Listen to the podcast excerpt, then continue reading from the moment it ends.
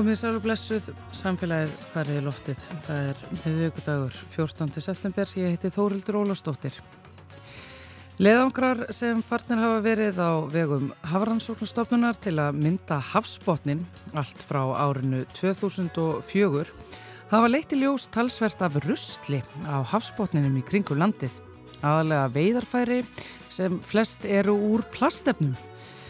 Petrún Siguradóttir lífræðingur hefur rannsakað þetta en hún rætti þetta við Guðmund Pálsson. Samhleiða framþróun í mentamálum hefur meðal mentunarstig aukist töluvert. Sem sagt, fleiri eru með háskólagráður en áður. Þrátt fyrir þetta er mikil munur á mentunarstöðu ólíkra félagshópa og þau sem tilheyra herri stjettum líklegust til að ljúka meiri mentun. Við ætlum að ræða við konu sem rannsakaði stjættamun í námsvali á Íslandi. Við forfinnumst líka um nýtt orgel í Gravarvokskirkju. Það verður víkt næsta sunnudag en söpnun hefur staðið yfir í eh, nokkuð tíma. Svona orgel kostar nefnilega skildingin. Svo verður málfarsmínáta á sínum stað og Edda Olgudóttir spjallar um vísendi í lok þáttar og ætlar að þessu sinni að fjalla um tengsl reyfingar og Parkinsons sjúkdómsins. En eh, við byrjum á rusli á hafsbótni.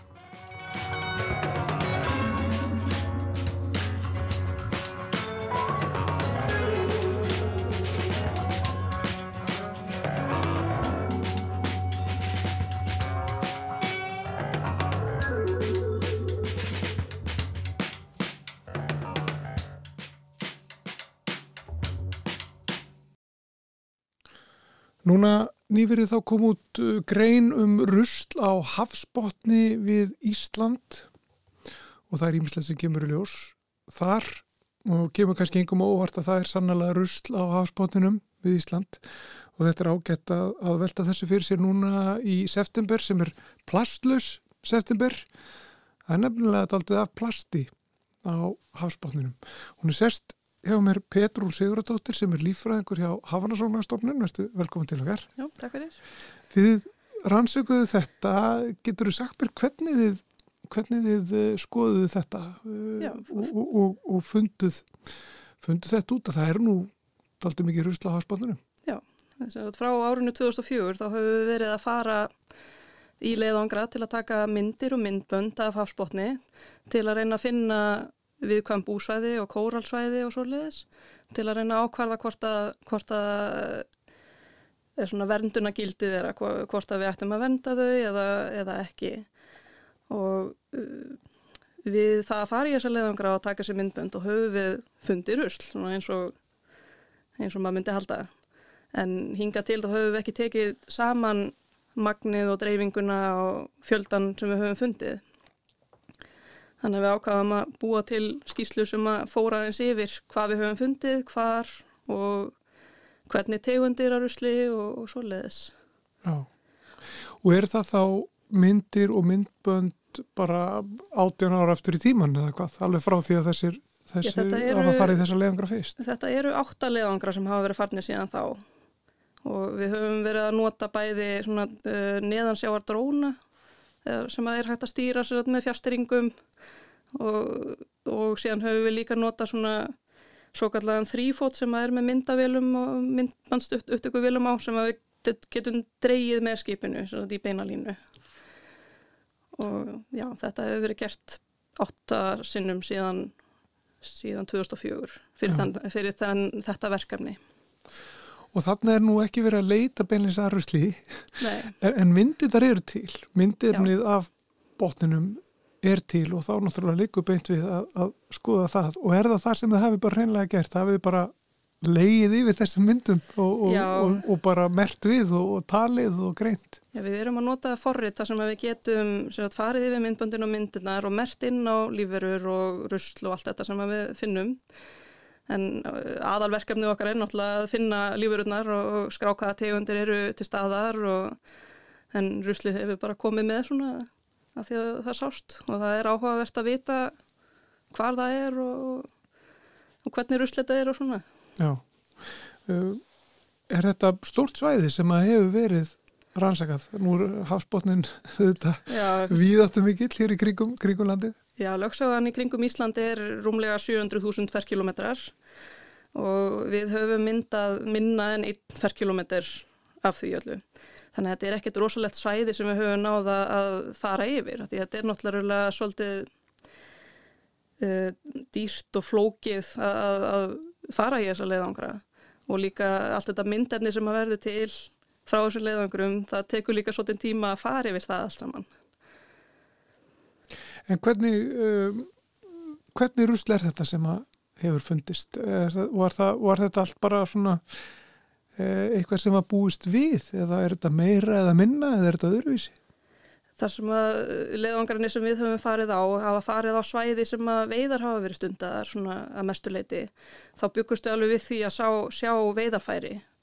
Og það var líka helsta rusli sem við fundum, það voru veiðarfæri og langmest að því voru fiskilínur. Og við fundum líka trollnett á nokkru svæðum við Suðurland en þau svæði eru mörg friðuð í dag út af þessum myndum í rauninni og þannig að vonandi bætist ekki við trólnetaruslið allavega á þeim slóðum en það ætti allavega eitthvað að skána vonandi. Já og eru þetta þá, þetta eru aðalega plastefni þá eða hvað?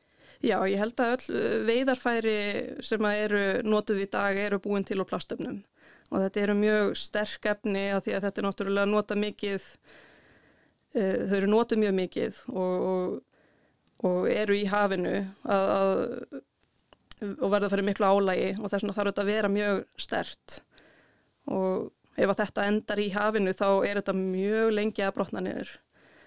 Og, en, en þetta brotna niður samt smám saman og verður að örplasti.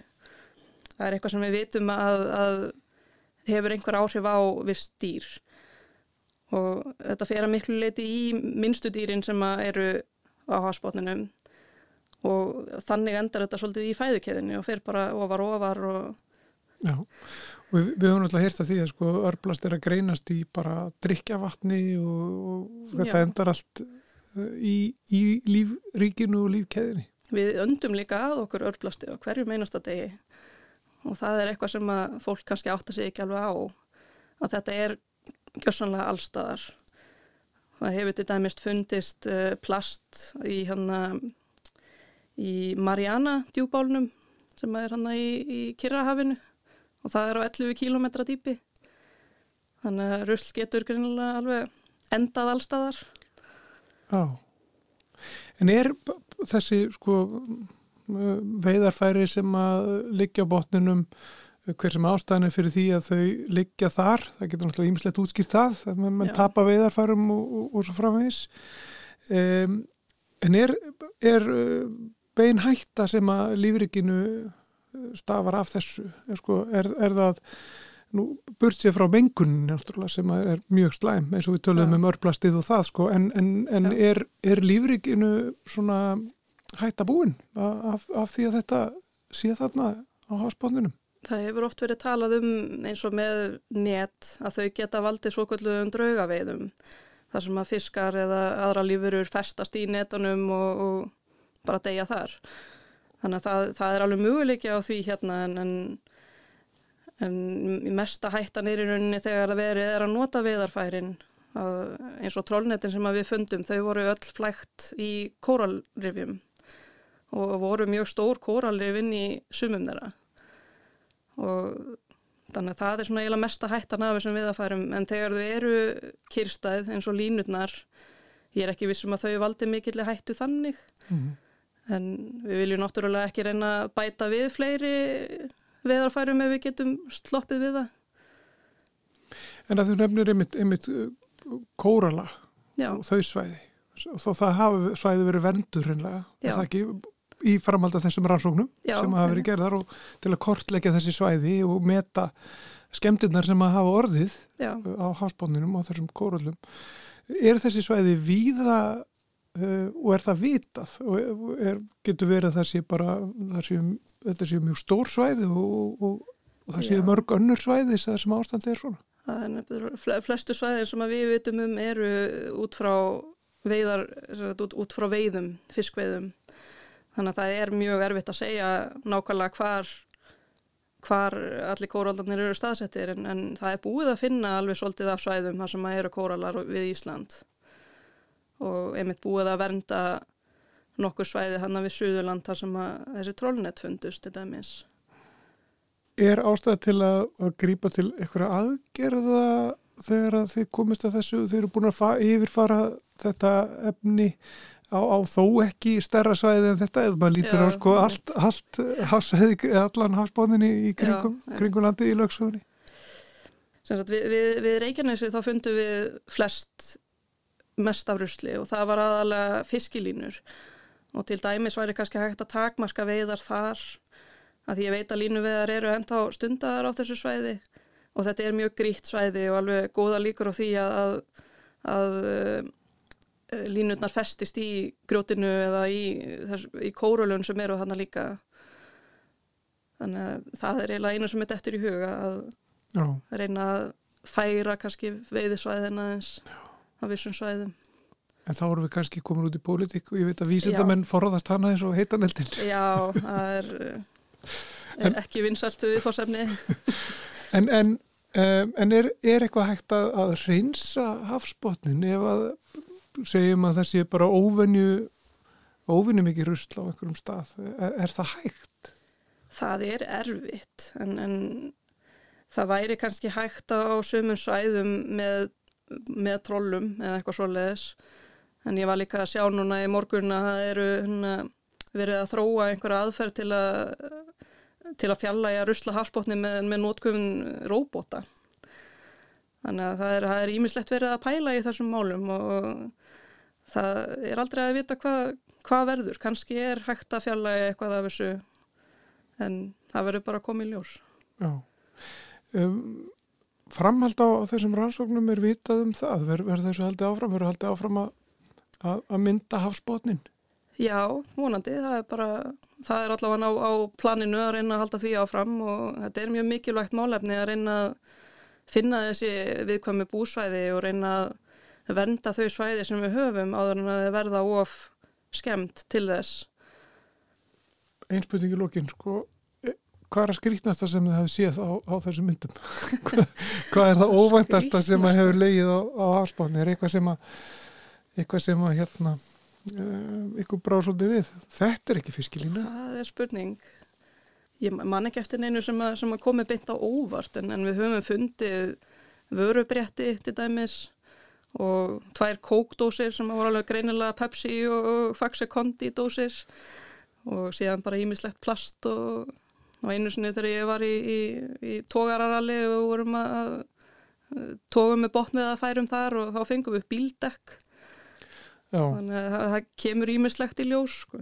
Já, veiða bíldekk það er nú handaldi klassist Já, já, einmitt En við skulum uh, segja þetta gott, Petrún Sigurðardóttir lífræðingur hjá Hárasmúnastofnun hvað ef, ef fólk vil uh, skoða þetta er þetta að, að lesa sér til um þessar uh, niðurstöður ykkar?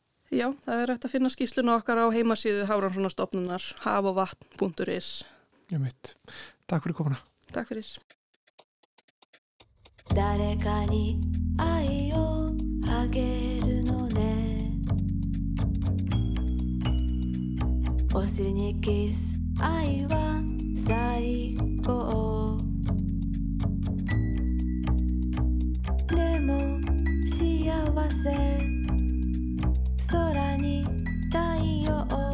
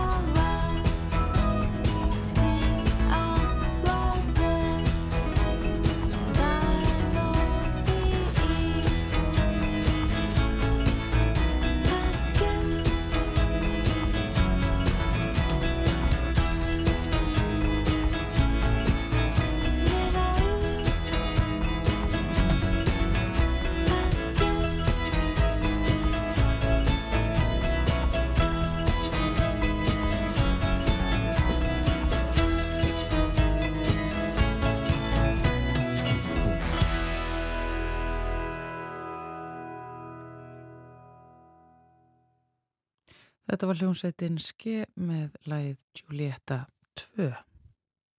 Við ætlum að ræða stjættamun á Íslandi þegar kemur að námsvali. En þessi mál rannsakaði Atta Guðrún Gilvadóttir félagsfræðingur í meistararreitgeð sinni við Oxford Háskóla. Sælvert Atta. Sæl. Sko, við ætlum að fá þig til þess að leiða okkur í gegnum rannsóknuna þína en kannski til að byrja með af því að markmiðið e, var að skoða stjættamun í námsvali. Er stjættamunur til staðar á Íslandi og hvernig lýsir hann sér? Já, hann er sannlega til staðar á Íslandi og já, lýsir sér í rauninni kannski mest þannig að mentunarstaða foreldra okkar hefur rosalega mikið að segja um hvers slags mentun við, við komum til með að sækja okkur. Og þá er það í rauninni aðalega í formi þess að um, nefendur eru segjum sem svo að pappiðin sé smiður þá er mjög líklegt að þú farir líka í einhvers konar okkur svipa braut e, í yðná með svoleiðis og sömu leiðis þau sem eiga hérna, háskólamenta fóreldra eru e, tölvert líklegir til þess að e, feta þá leið, fara í einhvers konar akademist nám. Um, en eitthvað sem er til dæmis tölvert ólíkt um, mörgum öðrum löndum. Nú er þetta efni sem hefur verið rosalega mikið rannsakað mjög víða en ekki, ekki neitt, eða bara voðalega, voðalega lítið allan á Íslandi. Og eitthvað svona stór muni til dæmis er að, að hérna, oft á tím þegar þetta er skoðunar þá hefur verið að bera saman hver, hver sagt, hætta í námi og, og svo aftur á móti hver halda áfram og þá er oftir þannig að skoða hvaða tímapunkt sem er í, í, í námi fólks en, en hérna, mjög algengt eins og þegar maður er að skoða, að skoða sagt, frá grunnskóla yfir í mentaskóla og þá hvort fólk hætti eða haldi áfram. En á Íslandi er það þannig að það er nú sko langt um flestir sem að halda áfram einhvers konar, einhvers konar námi. Já, en hvað er það sem að skilur lægri stjættir og harri stjættir að? Sko, ég myndi nú eiginlega að segja að þetta er, þetta er sko eilíðar um, debatt, ef að ég má sletta að hérna, eiginlega skýtir ekki máli hvar maður er, það er alltaf mikið rifist um hvernig er skilgrina stjættir.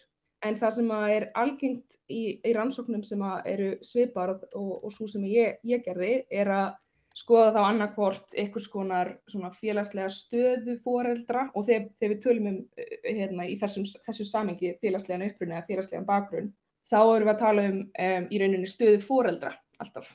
En, en það sem ég gerir rauninni er að ég skoða um, mentunarstöðu foreldra sem er mjög algengt líka að gera. Um, og þá, þá er, er rosalega auðvelt að fá bara þannig mun, það er þetta stigamentun eða þetta stigamentun og svo framvegis. Uh, og það gerir rauninni til þess að komast hjá því að hérna, í fyrstulega er það, er það eitthvað sterkasti, hérna, sterkasta vísbendingin. Um, en að samanskapi líka hérna, það, það er hérna, doldi flóki að ætla skilgrina uh, stjættir uh, á eitthvað svona mjög einfaldan og fallegan hátt. Þess vegna er, er, er hérna gott að nota bakgrunnstöðu uh, foreldra mm. og, og gera það með mentunastöðu þeirra. Þú skoðar það sem að þú kallar bæði bein og óbein áhrif á, á, á það hvernig þessi börn velja og haga sínu námi. Þú verður að útskýra þetta aðeins. Já, sko, argumenti er rauninni það að um, ástæðan fyrir því að þessi, þessi stjættamunur að, börn úr ákveðnum stjættum séu líklega til þess að kjósa nám sem veiti aðganga frekara námi og síðan að börn úr, úr öðrum stjættum gera það ekki er um, og hefur oft á tíðum verið, uh, þá er því haldið fram að munurinn liggi því að, að hérna, börn úr innan gæsalappa lægri stjættum um, þau séu að, að meðaltali með lélegri hérna, meðalengun, eh, bara engunir sagt, í, í hérna, námi Mm. og það sé þá í rauninni ástæðan fyrir því að hérna, eh, þessi krakkar séu ekki að að kjósa eh, námsleir sem veita síðan aðganga frekara námi. Þetta er alltaf, alltaf samtengt og kannski hefstaldið við þetta, eh, þetta, á, á, þetta ákvöruna eh, tökuferli þarna eh, við lók hérna, grunnskólans. En bein og óbein áhrif er þá í rauninni, þá er búið að skipta upp því sem likur að baki og það er þá hérna, óbein áhrif, er þetta með að, að krakkar úr hærri stjættum síðan meðaltali með hærri engunir Mm. og að krakkar og læri stjættum séu að meðaltali með læri einhvernir og það er þá að, að hérna, félagslegu bakgrunnir einstaklinga hefur áhrif á, á hérna, um, í rauninni getusti, en þetta er náttúrulega, þetta er náttúrulega bara hérna, einhvers konar mæling sem maður hefur Mm -hmm. um, um, og sem síðan hefur áhrif á hverslas nám fólk fer í. Og það, það, það sem er verið að tala um þegar við tölum um óbein áhrif er að það, það fyrir, fyrir gegnum þennan námsarangur en síðan eru hérna, er það í rauninni svoleiðis að hérna, jafnvel þegar við erum búin að taka þetta, þetta út úr myndinni, jafnvel þegar við erum með einstaklinga uh, segjum sem svo, við erum með einstaklinga og hérna, einn úr hérna, einhvers konar læri stjætt og annan, annan einstaklingur hærri stjætt og þau eru með alveg jafn, um, sagt, góða námsarangur um, að jafnvel í, í þessum aðstæðum þá eru um, sagt, börn sem eru að koma úr hærri stjættunum líklegir til þess að halda áfram á brautir sem að veita aðgang til dæmis að háskólanámi jafnvel þó þau séu með sömu einkunir og, og það er í rauninni þarna sem vandamálinn liggur. Og þarna er þetta, ok, þetta er ekki bara að þessi krakkar séu með verið einkunir, það er eitthvað annað líka. Það er í rauninni hægt að tólka það sem all, allir svona ómældir þættir, bara um, alls konar svona hlutir sem að tengjast stjættastuðu hérna, eh, barna og fjölskyldna þeirra sem koma þá í veg fyrir það að þau kjósi um, sagt, leiðir sem að, að leiða að, eða veita aðganga að háskólanámi eða einhvers konar áframhaldandi námi. En sko, er þú bara svona spinnur aðeins eh, við þetta með okkur aðdag? Gætur tekið dæmu um mögulega hvað væri að gera það verkum að, að barnið úr lægri stjætt sem er hins vegar með góðar engunir haldi ekki áfram? Já, sko það eru alls konar þættir náttúrulega sem koma til en það sem kannski svona, svona augljós dæmi bara að fyrst og fremst að hérna, núna er náttúrulega ekki sérlega dýrt að fara í nám á Íslandi í, í alþjóðlegum samanburði um, en það að, að halda áfram um, í námi, einhvers konar uh, nám sem þú veist að mun taka langan tíma, það sem leiðir að, að háskólanámi eitthvað svo leiðis það þýðir að á sama tíma að það er, mun líða lengri tími þar til að viðkomandi mun farin á vinnumarkað. Mm. Þannig að það eru svona, hérna, bæ, hér erum við talum bara í rauninni efnahagslega þætti, bara að bara í rauninni eiga, eiga, eiga efni á því að halda, halda áfram í námi og fara þá löngu leið sem að uh, slikt nám uh, felur í sér. Það er eitt og, og síðan er það, um, það er rauninni, um, það sem ég var rauninni að gera er, er rauninni að, að mæla alla slíka þætti án þess í rauninni að, að taka þá fyrir sem slíka.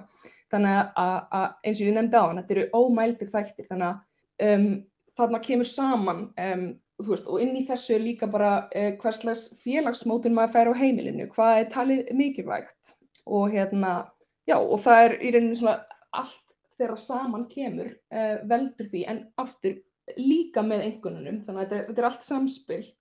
En það sem er uh, gott ástæðan að maður vil ge geta sagt til um uh, hver er stærðin á þessum óbeinu áhrifum og beinu áhrifum eins og ég var að tala um áðan. Já. Það er til að geta sagt, ok, ef, við, ef að markmið okkar er að, að, hérna, að, að krakkar geti valið um, þar sem þau vilja velja og, og, og sé ekki einhvern veginn bundin um, einhvers konar, já, stjætta bakgrunni sínum, um, ef það er markmiðið, þá, þá dugir ekki að hérna, fara, fara engungu í aðgerðir sem að snúa því að jafna, hérna, þú veist, bylið í engunum á milli stjættana, af því það eru hluti sem gerast inn á heimilinu, um, það eru hérna, gott annað dæmi er að hérna, krakkar sem kannski eru í, í þessum hérna, já, læri stjættum hafa kannski færi, minna færi á því ef þau eru í ykkur, ykkurs konar einhvers konar vanda með, segjum sem svo starffræði, að, að hérna, þá er kannski ekki jafn auðvelt fyrir þennan hóp að fá auka starffræðikennslu eða einhvers konar auka aðstóð Mm.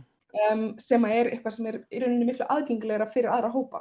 Fá en aðteklisvert þetta og þetta í rauninni þá sýnir fram á að það þarf þetta þá að gerast inn á heimilunum. Og, og, og hvernig er það hægt?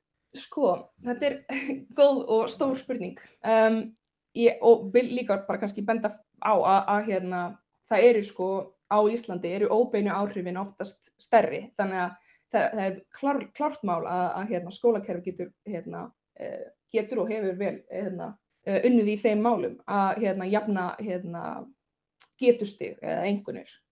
Um, þannig að það er eitt um, sem er hérna, alveg alltaf líka grundvallar aðrið þó að hitt skipti líka máli. Mm -hmm. En síðan eru alls konar aðrar hérna, uh, aðgerið sem væri hægt að fara í um, sem væri til dæmis að tryggja, tryggja fólki hérna, aðganga alls konar já, aðstóð sem þarf eða, uh, og nú er það líka tengt alls konar eitthvað svona hversu mikinn tíma uh, börn geta varið með, með fjölskyldu sinni eða Og, og allt, það er alltaf þessi litli þættir þannig að, hérna, og eftir, þetta er svona, já, mikið samspil en að margra ólíkra þáttar sem kemur að. Þannig að, hérna, og ég held að skólakerfi geti alveg, hérna, verið líka þáttur í, í þessum, hérna, beinu áhrifum. Það sem að, þó ég tala um það að gerist inn á heimilinu, þá er það samt, það að hafa ekki með getusti að gera því kannski gendilega hafi ekki með skólakerfi að gera. Já. En myndi segja að, að hérna, það, já, margi þættir sem koma til og, og hérna, margar að, aðgerðir sem væri eftir að fara í. Sko ef við myndum bara taka dæmi um einhverja eina einfalda aðgerð sem að þér finnst blasa við, hva, hvað væri það? Mm, þetta er aldrei erfið spurning sko. Um, það sem ég hérna, leitaðist aldrei við að gera væri rauninni, og af því að þetta hefur bara ekki verið skoðað á Íslandi, ekki, ekki á þennan hátt. Já. Og hérna, það sem er rauninni kannski aðal hérna, svona, já, stóri bitin í rannsókninni er aldrei náttúrulega að það, er, það þarf að jafna hérna, engunir, getustig. Það það er það sem er stóri hluturinn yfirleitt. Um, og og svona, það, það er það sem kannski blasir mest við. En, en það sem ég er líka mikilvægt að segja er að það má í rauninni alls ekki hunsa að, að, hérna, að það eru aðri þætti líka. Og ef, og ef við förum bara í þennan eina, ok, nú þurfum við að jafna þannig að krakkar úr, úr hérna, ólíkum stjættum að þau séu ákveðin kerfisbundin hátt að fá ólíkar engunir ef við lögum það, seg, gefum okkur bara einhverja drauma veröld þar sem við værum með aðstæður, þar sem allir uh, þar sem þetta hefði ekki áhrif Já. þá væri, væri við eins og ég hann ennþá með einhvers konar mun. Og það þarf alltaf að, að hérna, já, vera alltaf kreatífur í að, að finna lausnir á því. Um, að, að hérna, það, það, það, það þýðir að jafnvel þó að við myndum laga þetta á, á allan hátt, það væri bara algjörlega jæmt um, þá myndu krakkar samt vera kerfisbundi að kjósa ólíkar námsliðir. Um, þannig að ég held að, að, að það, það sé kannski svaraðið við þessari spurningu rauninni er að það þarf að koma einhverja kreatívar lausnir á hvernig getum við tekist á við það að, þeir, um, að, að það snýst ekki bara um einhvernir eins og hefur verið mjög algengt að hérna, og svona, hérna, já, bara víða í löndum kringum okkur, þá hefur verið innblind mjög mikið á það og síðan er fólk mjög voðalega hissa að það sé eitthvað eftir, að það sé eitthvað, já, kerfisbundi munur eftir. Já, já það er rosalega erfitt að upprætta eitthvað sem er bara svona mjög djúft ofan í samfélagskerfum okkar og einmitt eitthvað svona ein aðgerð innan mentakerfisins tekur ekki brottin af sko. Nei, og ég held að það sé kannski stóri lærdómurinn líka að hérna að um, og bara í rauninni allt sem tengist hérna stjætt, stjættamun og, og hvernig hérna stjættskipting bara þróast og við, viðhaldið millir kynnslóða mm -hmm. þetta, þetta, þetta er alltaf ótrúlega flóknar spurningar og, og, hérna, og ef einhver kemur mjög einfalt svar þá finnst mér mjög líklegt að þetta svar sé hérna, e, ó, mjög ófullkomið. Því að hérna, það, hérna, þetta er bara eina af þeim staðrindum e, í, í þeim samfélögum, e, bara í samfélögum okkar að hérna, þessi munur er til staðar en það fyrir ekki að, að við getum ekki hægt að hérna, takast á við hann sko. Já, já, nokkvæmlega. Þetta er hins vegar ekki einfalt, þetta er flókið. En maður hugsa um mm. þetta bara Íslands samfélagi hefur einhvern veginn alltaf verið mögulega þarna. Veist, þó að við viljum ekki kannast við stjættskiptingu og þá er vel þekkt að hér eru ákveðnar ættir sem eru kallaðar svona embættismanna ættir. Veist, það sem er bara embættis hlutverk hafa nánast erft. Ákveðnir bara fjölskyldur sem hafa verið inn í ákveðina atvinnugrein í gegnum kynsluðunar þannig að þetta er alveg svona, við þekkjum þetta svo sem alveg. Algjörlega sko. Og ég mitt þegar ég var að gera rannsóknar þótti mér mjög merkilegt. Nú er ég 26 ára og, og bara svona er að horfa í kringum mig á, á, á hérna, vini og vandamenn uh, á, á mínum aldri að feta sín fyrstu fótspor í, svona, í alvöru vinnum uh, hérna, það er ekki lengur sumavinnir og þannig heldur fólk er að klára háskólanám og alls konar svona. Já. og mér var svo merkilegt þegar ég var að gera þetta að, sko, að bara horfa í kringum mig og sjá hvað mikið fólk í kringum mig var önverulega í nákvæmlega í sama og, og fóröldar sínir. Og auðvitað er þetta bara eitthvað svona hérna, uh, lítið dæmi en þetta er samt mjög hérna eh, mjög algengt.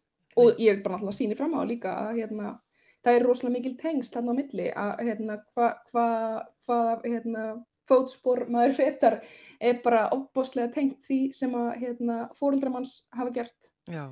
Þannig að það er bara líka fyrir. Það er svona kannski ymmit í lokin að það eru langamið til þess að staldra við. Þetta er rosalega aðteglisverð og góð rannsók sem þú ert að gera en veist, þú ert í, gerir þetta, vinnur þetta mestarnámið þetta í Oxford skóla sem er eitt fínasti háskóli í heimi. Veist, hvernig, hvernig raunbyrtist efni rítgerðar einar til dæmis þar? Bara mjög áhugavert sko. Ég hérna, eh, eitt sem er samt aldrei gott, bara fyrst og fremst við Breitland eh, þegar maður er að skoða þessa hluti, er að það, liggur, það blasir við manni stjætskiptingin um, með við á Íslandi, þá held ég að mað, mað, það, það er svona það er auðvelt að vera samdöina því að maður tekur ekki eftir af mikið því að já, eins og bara búin að nefna fólk hérna, er svona kannski oft pínu trekt við að viðkenna að, hérna, jafnbrettisparadísin á Íslandi sé ójöfnur og það er það vissulega. Um, en það var mjög aðtilsvert að ég myndi að gera þetta þar. En, en líka hérna, og bara út frá því að þetta er náttúrulega já, og það er óbúslega stjætskipt uh, svæði. Um, en á sama tíma um, líka gaman að fá að gera hana þar þar sem að uh, þessi rannsóknar hefð eh, kemur rinnu upprunlega þaðan að skoða þetta þennan hátt. Þannig að það var bara hérna, það blastið aldrei við fyrir mig að ég vildi fá að hérna, skoða hérna, ójöfni áfram og ég gerði það líka í grunnháminu mínu þannig að já, bara mjög hérna, bæði oft af tíðum fyndið og, og skrítið að, að vera akkurát þarna að skoða þetta. En líka bara, já, ótrúlega hérna, glöða að fengja að að gera eitthvað svona sem skipta miklu máli að koma bæðin í umræðu og, og hérna svona inn í kannski kerfin á Íslandi ykkur umræðu um, um ójöfnu á þennan hátt. Því að ójöfnu kemur ekki að sjálf, sjálfu sér, þetta hérna, byrja mjög snemma. Já, og ætlar þá að fylgja þessu rannsóknarefnið þínu eftir, já, eins og segi, inn í kerfin hér heima eða jáfnvel í frekari rannsóknum, doktorsrannsókn? Já, það er svona allavega eh, hérna, mjög inn í myndinni. En ég hugsa að hérna, það er óbúslega margt sem ég veist eiga eftir og hérna, sérstaklega því maður er að skoða rosalega mikið þar sem maður er búið að gera víða annars þar og þá er mér mjög hérna, erfitt ofta að það var ekki til dót sem ég vildi hafa fyrir fram að mig um íslenska kerfið. Þannig að þetta í rauninni þessir ansókn er bara svona hérna, pínu svona grundvöldu fyrir því að, að, að hérna, það sé að halda áfram. Og ég vona að ég fá tækifæri til að gera það líka. Já, ég ætla nú að vona það sama Atta Guðrún og væri áhugavert að fylgjast áfram uh, með uh, þessum málum og skoða þetta betur hún í grunninn eins og þú sagði, þetta er aldrei stort, svolítið flókið en uh, allra aðtegli verðt. Atta Guðrún Gilvardóttir, félagsfæraðingur, takk kærlega fyrir spjallið hérna í samfélaginu. Takk.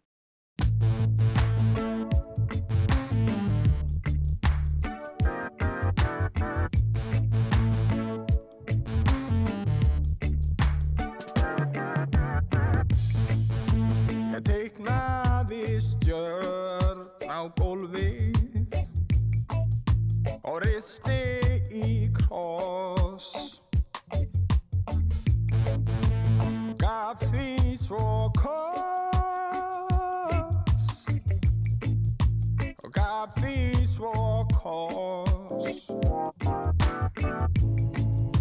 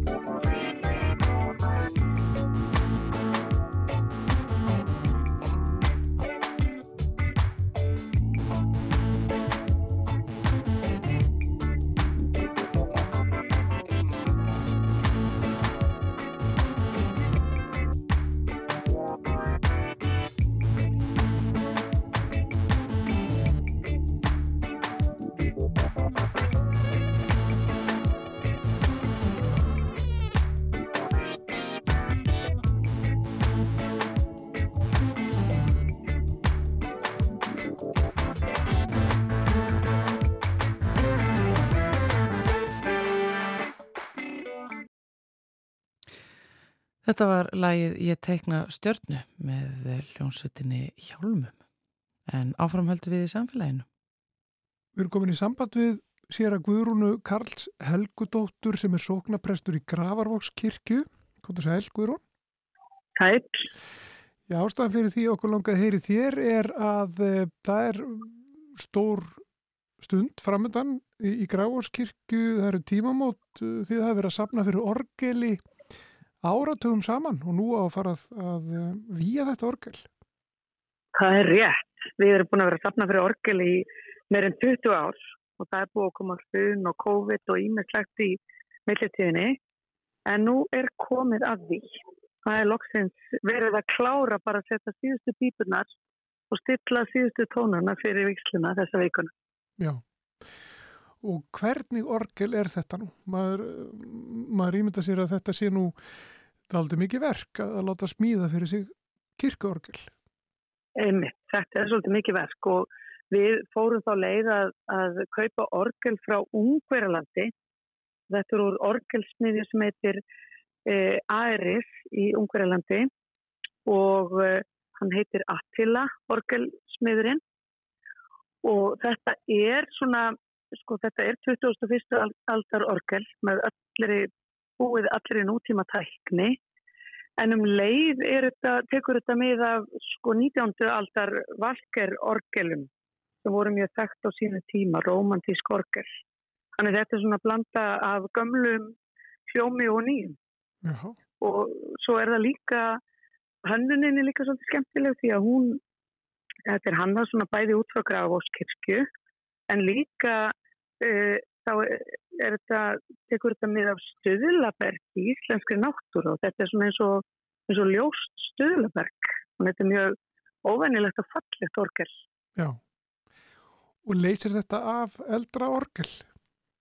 Já, við erum bara búin að vera með svona lítið orgel í öll þessi ár þannig að núna loksins þá fær brúðamartin að, að hljóma almennilega í Gráðskirkju Eh, en mér skilst líka á sko, organistum og tónlistafólki að þetta mun bara hafa tölverða áhrif á tónlistasenuna á Íslandi vegna þess að Grafóskirkja er gríðarlega góðan hljómbur og þessi gripur mun svona bæta heilmiklu við bara menningalíf í landinu.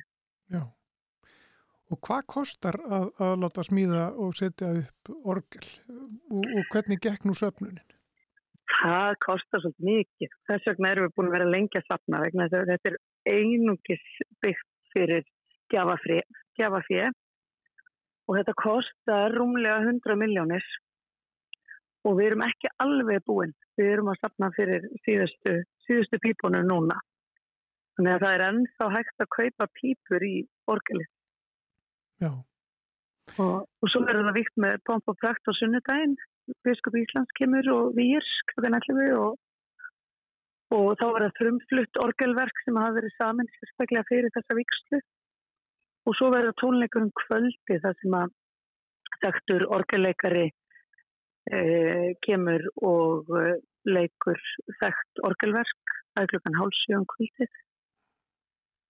Og hann heitir eh, Hans Úla Eriksson Og það er mikilvægt að, að um, orgeli sé víkt með, með viðhöfn.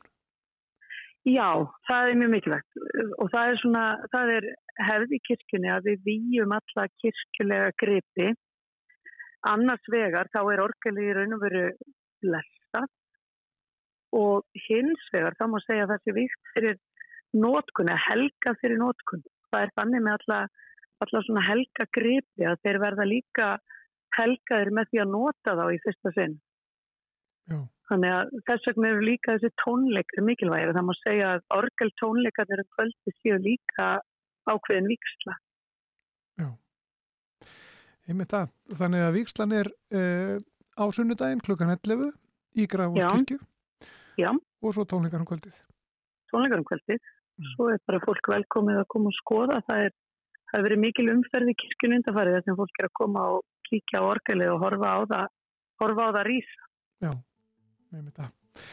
Guðrún Karls Helgudóttir, sókraprestur í Grafókskirkju, gangi ykkur vel og til hafmyggjum með, með nýja orgelið. Takk fyrir það. Takk.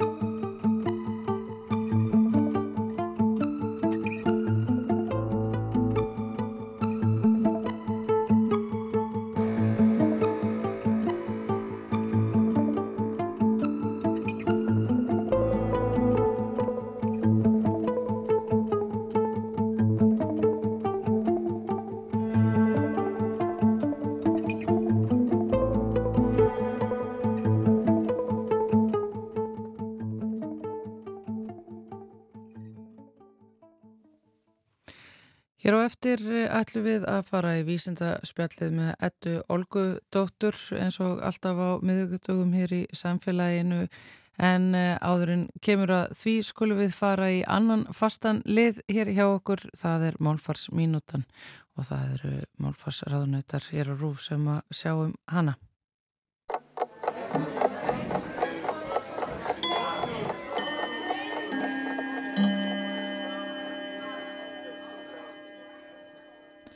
Er munur á merkingu og nótkun orðana lengur og ennþá? Já, en skilin á millið er að virðast vera breytast. Lengur hefur gefið til kynna að eitthvað hafi áður verið til eða týðkast en svo sé ekki núna. Dæmi um það er setningin hestvagnar eru ekki notaðir sem samgöngu tæki lengur. Lengur hefur þarna fortíðarmerkingu. Ennþá hefur áttu það sem er ekki enn orðið. Til dæmis, Svifbílar eru ekki orðin samgöngutæki ennþá. Ennþá hefur framtíðarmerkingu í þessu samhengi. En nú er farið að nota ennþá í staðin fyrir lengur. Til dæmis, hestvagnar eru ekki notaðir sem samgöngutæki ennþá. Og fyrir þau sem eru vönði að lengur og ennþá hafi gagstæðamerkingu er þetta síðasta dæmi frekar rugglingslegt.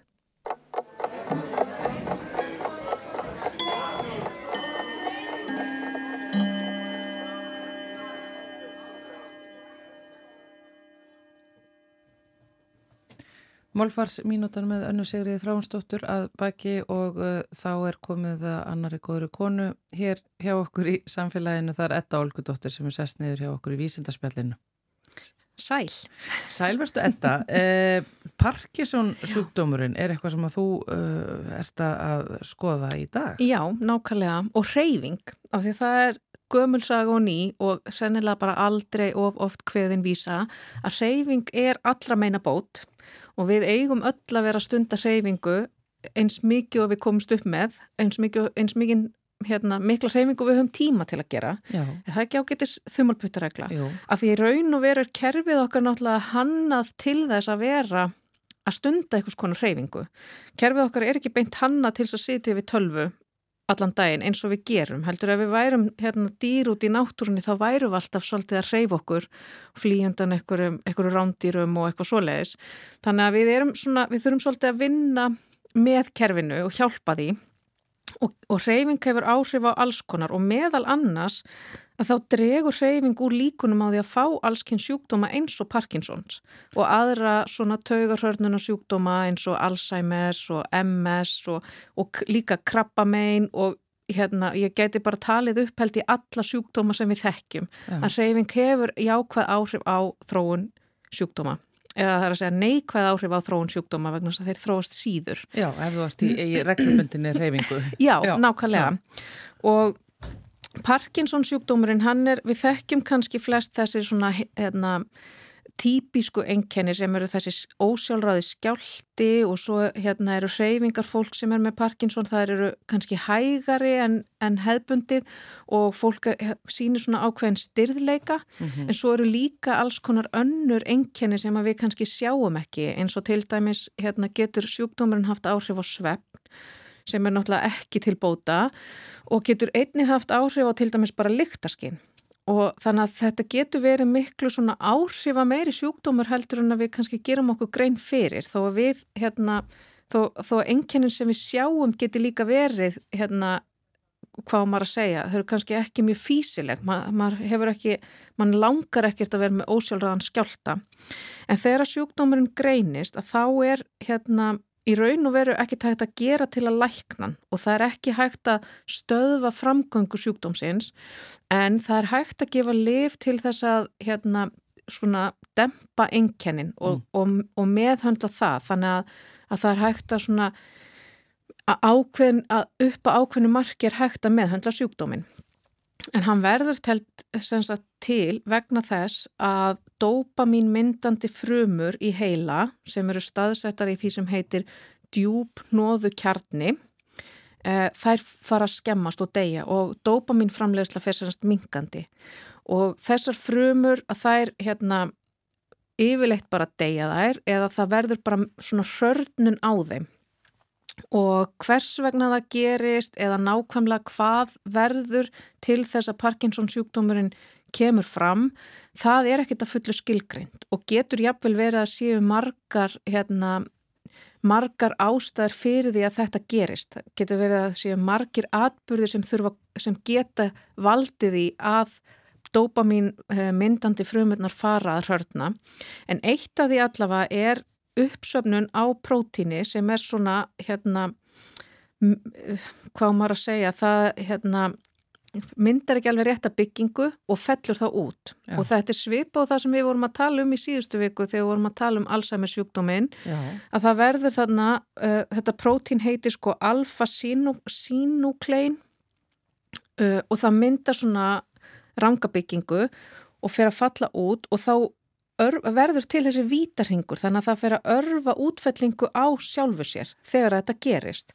Og þetta er, alveg, þetta er líka það sem að hérna, gerist í riðu. Það verður svona, þetta er svona hérna, vítarhingur vegna þess að eitthvað starf byrjar eitthvað bilun sem að ítir á hérna, áframhaldandi útfellingar á sjálfu prótíninu. Mér finnst þetta alltaf vera einmitt að tala um einhver svona vandraða prótín sem einhvern veginn grunninn hjá ótrúlega mörgu svona leiðinda dæmi sem að er fylgifiskur þess að vera manneskja og til já, í heiminum. Já, það er alveg rétt og svo það sem er sko eða stærsta vandamáli við þetta er að prótínin gegna ákveðinu hlutverki áður en þau fara að haga sér svona illa. Eins frábæra prótín eru og mikilvæg og mm -hmm. veist, þú hefur náttúrulega algjörlega sínt okkur fram á það og ta tala um það. Þá er þetta, já, þau, er, þau er, geta líka verið vandræða gripið. Já, sko. þau geta það og já. það er náttúrulega líka bara vegna þess að, að hérna, allt sem gerist í líkamannum hjá okkur er bara efnakvarf já, og það er náttúrulega eitt sem að, hérna, að við höfum ekki fullkomna stjórn á þessu og þetta snýst ekki um að endurforrita hérna, hugbúnaðin. Það væri voða gott ef við getum bara resettað eða enduræst tölvuna. Það er ekki búið ennþá. Það er ekki ennþá í búið. En þetta er semst eitt af því sem gerist og þegar þetta prótín fellur út að þá það nefnilega er til staðar við taugamót og þá getur það bæði bara valdið skemdum á frumunum en svo getur það líka verið að hindra uh, semst, taugabóðin á milli, milli hérna, taugamótana. Já. Uh, og af því að við vitum að það er þarna ákveðin svona fylgifisk, fylgni á milli þess að hreyfa sig og komi í veg fyrir þessa sjúkdóma að þá hafa rannsóknarhópar verið að leggja svolítið áherslu á að skoða hvað gerist þegar við hreyfum okkur og hvernig er það að hafa áhrif á að hvort við fáum þessa sjúkdóma eða ekki. Og rannsóknarhópur við John Hopkins var að skoða hvernig prótín sem heitir írisinn sem myndast þegar við hreyfum okkur, hvernig það getur haft áhrif á uh, þróun Parkinsons. Og írisin er sem sagt eitthvað sem verður til í vöðvunum hjá okkur þegar við erum að hreyfa okkur og því er svo seitt út í blóðrásina. Og svo eru hérna, viðtakar á ýmsum frumum líkamann sem að taka við þessu prótíni og setja stað eitthvað atbyrðarás sem að þá meðal annars kemur í veg fyrir eitthvað sjúkdóma. Og þegar að þau eru hérna, að skoða þetta prótín í hérna músamótili. Þau eru semst með mís sem að hafa tilneingu til þess að mynda Parkinsons. Já, til þess að já, fá Parkinsons. Þau spröyta þessu prótíni í blóðrásuna hjá músunum og mæla svo hvort að þetta hefur ekkur áhrif á Parkinsonsjúkdómin og þá sjáðu að það er eiginlega tvent sem gerist. Það er eiginlega hérna þegar að þau, þegar írisinn kemur inn að þá bæði dregur það úr þessum útfellingum á alfa-njúklein prótíninu. Það er eins og það sé bara að, að hérna, stuðla niðurbroti á uh, á, á hérna útfellingunum og á prótíninu sem er ekki rétt myndað. Já, þannig að vandraðaprótínið verður ekki jafn skadlegt. Já. Já, það er nákvæmlega þannig, en svo verðist það líka vera að svona hérna, stuðlað uppbyggingu á dopamínmyndandi frumunum eða verndun á þeim. Já, þannig að þær sem að eru undir árás, undir út af sjúkdómum, að þær verða sterkari. Já, í raun og veru. Já. Þetta er, og þetta er eiginlega að segja okkur, veist, ekki bara hvað reyfing er ógisla hotl og góð, heldur gætu við þarna verið með ákveðið svona bara reyfingu í pilluformi sem væri þá hugsuð sem meðferð við Parkinsons og bæði þá kannski hérna þú veist, til þess að reyna að snúa sjúkdómnum við og líka til þess að draga úr enginnum ef að sjúkdómurinn er komin. Af því að við höfum í dag í raun og veru engin hérna, tól til þess að lækna sjúkdóminn. Við höfum í raun og veru núna bara tól til þess að meðhandla enginnin. En þannig erum við komin með svona ákveðna, ákveðin glukka í að geta mögulega að lækna sjúkdóminn. Hreyfingu er mitt í pilluformi eh, sem er frábær útlegging, er mitt á þessu, þessu, þessari virkni mm -hmm. en uh, hvenar? Æ, þetta er alltaf svo ógislega erfið spurning þetta, sko nú erum við bara að sjá þetta í einni rannsókn í músamódeli og þetta prótín írisín sem að verður til við hreyfingu, það er reyndar bæði til staðar í músum og mönnum og það er 100% samsvörun sem þýðir að það hefur varðveist alla þessa þróuna línu frá músum yfir í menn sem að er alveg svolítið svona, það er vísbendingum að þetta prótín sé mjög mikilvægt. Mm -hmm. vegna þess að ef að það er ekki eða breytist ekki mikið þá er greinilega þarf það að gegna mjög svona stóru hlutverki í líkamannum þannig að við erum allavega sko með þessa tengingu, við vitum að þetta er til staðar í mönnum og við vitum að þetta verður til við hreyfingu og sambarlan hátt og í músum. Við vitum ekki hvaða áhrif þetta hefur í mannaheila. Við höfum ekki ennþá neinn gögn sem sína það uh, þannig að við höfum ennþá eftir að gera rosalega svona stórar og, og miklar sko grunnrannsóknir áður en við getum farið að setja þessa hreyfingu í pilluform. Mm. Þannig að þessi tímalína hún er alveg talin í sko kannski sko 20 árum, ég veit það ekki alveg. 20 ára allavega. Allavega þannig og ég er náttúrulega, ég er líka bara ótrúlega lélig í að giska á þessar tímalínur. Já, ég er allavega svolítið spennt fyrir þessari reyfingu í pilluformi þó ég kannski ekki eftir að njóta ennar af því að þetta geti tekið tíma sinna þá Æ, ég veit ekki, það kemur samt eitthvað í staðin fyrir álveru hreyfingu. Einn uppdækni nútíma maður sem að næri ekki hálf tíma dagsins, mm -hmm. það getur ekkert pillað sig upp, pillað sig gegnum þetta. Sko, ég held líka bara að hreyfing hefur bara áhrif á svo ótrúlega vítt svið og það er ekkert eitthvað eitt prótín sem að verður til þegar við hreyfum okkur.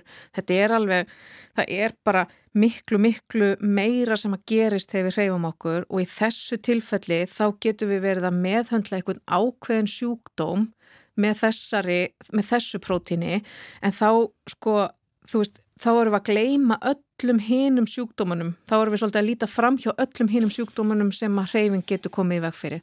Þannig að ég held að hreyfing í pilluformi verður aldrei, aldrei að segja aldrei, en það er allavega mjög langt í að við getum bara tekið þetta inn í pillu. Já. Já, já, áfram reyfing og áfram læknavísindin eh, líka. Þetta hólkuð út takk hjálpa fyrir, fyrir að komin hingað. Takk fyrir mig. Og með ettu og vísendarspjallinu hennar uh, líkur samfélaginu í dag. Við verum hér aftur á sama tíma á morgun. Þánga til, veriði sæl.